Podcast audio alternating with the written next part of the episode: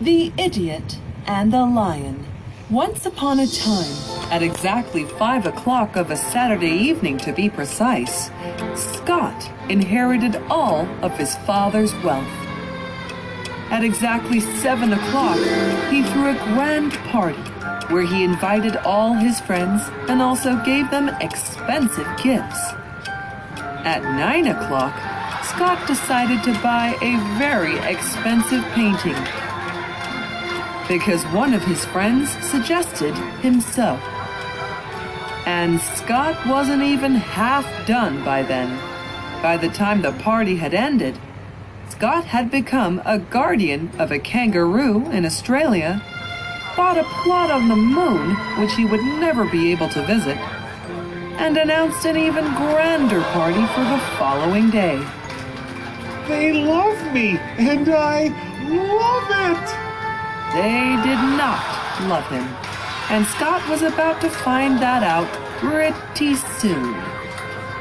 In the following weeks to come, Scott bought a plot of land on Mars, became financial guardian to more kangaroos, and threw party after party until he was broke. So broke. The people he thought were his friends showed him their door, and now Scott had to sell his house to pay off for the upbringing of the kangaroos. My friends don't love me. I was a fool. You know, Scott, I don't normally agree with you, but this I agree with. You are a fool. A great fool. In fact, you are the greatest fool to have ever walked on the face of the earth.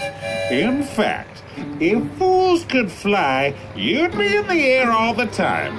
In fact,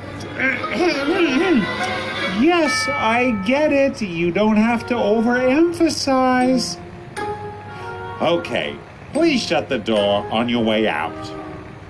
But, Uncle, where am I to go? I don't have a house. I don't have any money.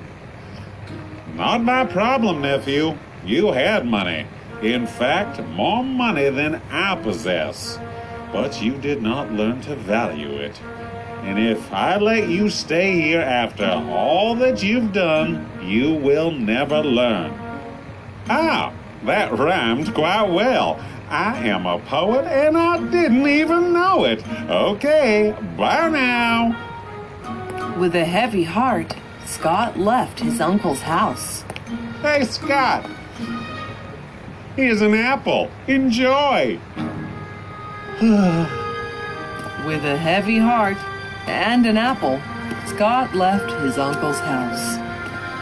He walked about the town, head hung low, regretting that he had spent all his fortune on unnecessary things. At least the kangaroos are happy. Oi, young man, that's my spot. Oh, I am very sorry, Mr. Beggar. I will sit over there. Oi, my name's not Mr. Beggar. Oh, sorry. What is your name? The name's Bond. James Emmanuel de Goza de Nom Nom Bond. Wow. How do you even remember that name?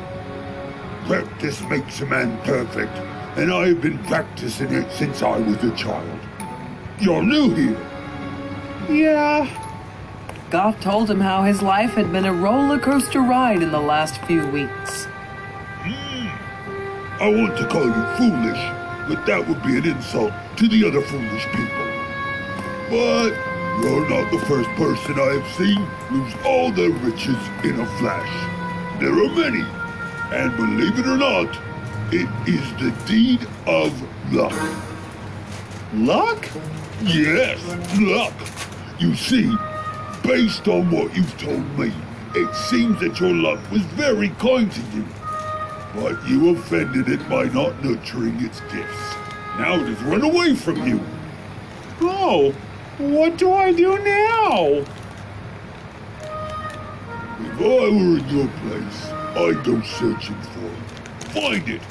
Try to reconcile with it and become fortunate again. And why have you not tried looking for your luck then? Who said I'm not lucky? I get to eat three times a day, the whole town is my house, and passerbys are kind to me. That's enough luck for me. And that's enough conversation for me also. Now please, leave me alone. Oh, okay. Uh, thank you? Scott began to think about his luck and did not realize when he had fallen asleep. He had a dream where he saw that his luck was a human being like himself, who was perched up on top of a high mountain, looking dejected, just like Scott himself. Huh? That was my luck. He looks sad. I must find him. And so, the next morning, Scott set out for the mountain with the purple leafed tree. He crossed rivers, walked past town, and passed through jungles until he came upon a place where he saw a lion sitting upon a big rock by a stream. Oh no! Don't be afraid, human. Proceed. Um, okay. Scott began to walk, a little unsurely, when the lion called him again.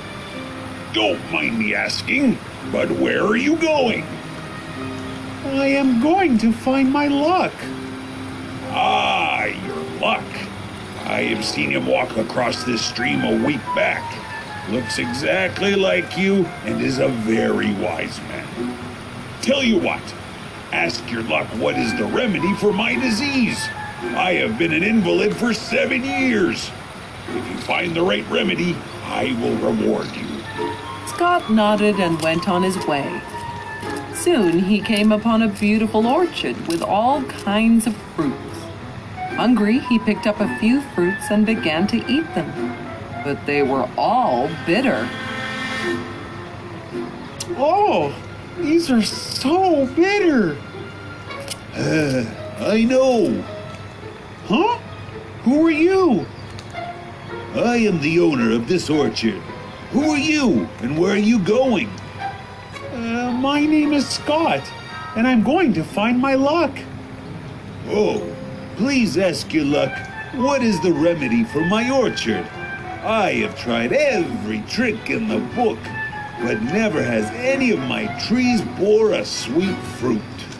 Scott nodded and continued on his way. Soon he came upon a majestic house situated in a beautiful garden, whose only inhabitant was a beautiful princess. What man are you? And why have you come here? And so, Scott narrated to her his story, and the princess was pleasantly surprised. Wonderful! You see, I have the splendid house and all the riches of the world. But I have an unknown grief that forever grows in my heart, and I have been spending my life sad all the time. Please ask your luck about me and a remedy for my grief. Scott promised the princess and went on his way. Soon he reached the mountain with the purple leafed tree. There he saw, sitting at the edge of the cliff, his luck, staring at the horizon. Finally, I have found you. Why have you come here? I have nothing to do with you anymore. But Scott wasn't going to go back. He fell on his knees and poured his grievances. He promised he'd change and act wise in the future. Please, please come with me. I have changed. His luck looked at him intently and then smiled. Very well. Maybe you have changed after all. Go back and I will join you in a few days. Splendid. Thank you so much. I will be waiting for you. Oh, I almost forgot. Scott asked his luck of the things that he had promised to ask. His luck listened and answered all the three questions. Happy and content, Scott left the mountain with a huge grin on his face. And so, on his way back, Scott met the princess again. Princess, your grief will disappear and happiness will touch upon you as soon as you marry a young man of your choice. Next, he met the gardener. There is gold in the spring from which flows the water with which you irrigate your orchard. The plants suck up particles of gold, which causes the fruits to be bitter. Take away the gold, and your fruits will be sweet again. And finally, Scott met the lion and told him how he had met his luck and the messages that he gave to the princess and the gardener. Wonderful. Didn't the princess reward you for the message? Um, not really. Although she did say that she likes me and would want to get to know me more and then get married, but I refused. You see, I have become very wise now. I see. And what did the gardener tell you? Oh, that's funny actually. He took the gold out of the spring and gave it all to me. But I refused, saying that I didn't care to trouble myself and carry such a heavy thing so far. You see, I have become very wise. I see. And what remedy did your luck devise for my ailment? Oh, yours is the simplest. All you have to do is devour the head of the most foolish person you've ever met, and you shall be healed. At this, the lion smiled. By heaven, your luck is indeed very wise. But you, I don't think I will ever find a greater fool than you on the face of the earth. And with that, the lion roared ferociously and leapt into the air and towards Scott. Ah, I am not very wise. Scott realized how he had been and ran with all his might. The lion chased after him, but due to his ailment, couldn't catch up to him and soon gave up. Scott ran and ran and ran until he was back in the town again. Oi, young man, did you find your luck?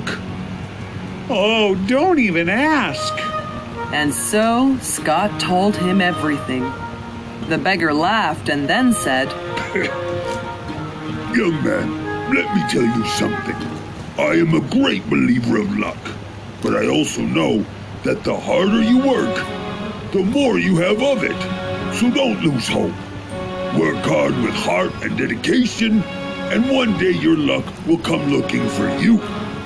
And when it comes looking for you, knocking on your door, you answer. Scott nodded thoughtfully. He had realized that it was foolish of him to have turned down the princess and the gold and tell the truth to the lion, all of it thinking that his luck will take care of him. Scott had also realized that luck always seemed to be against the person who depend on it.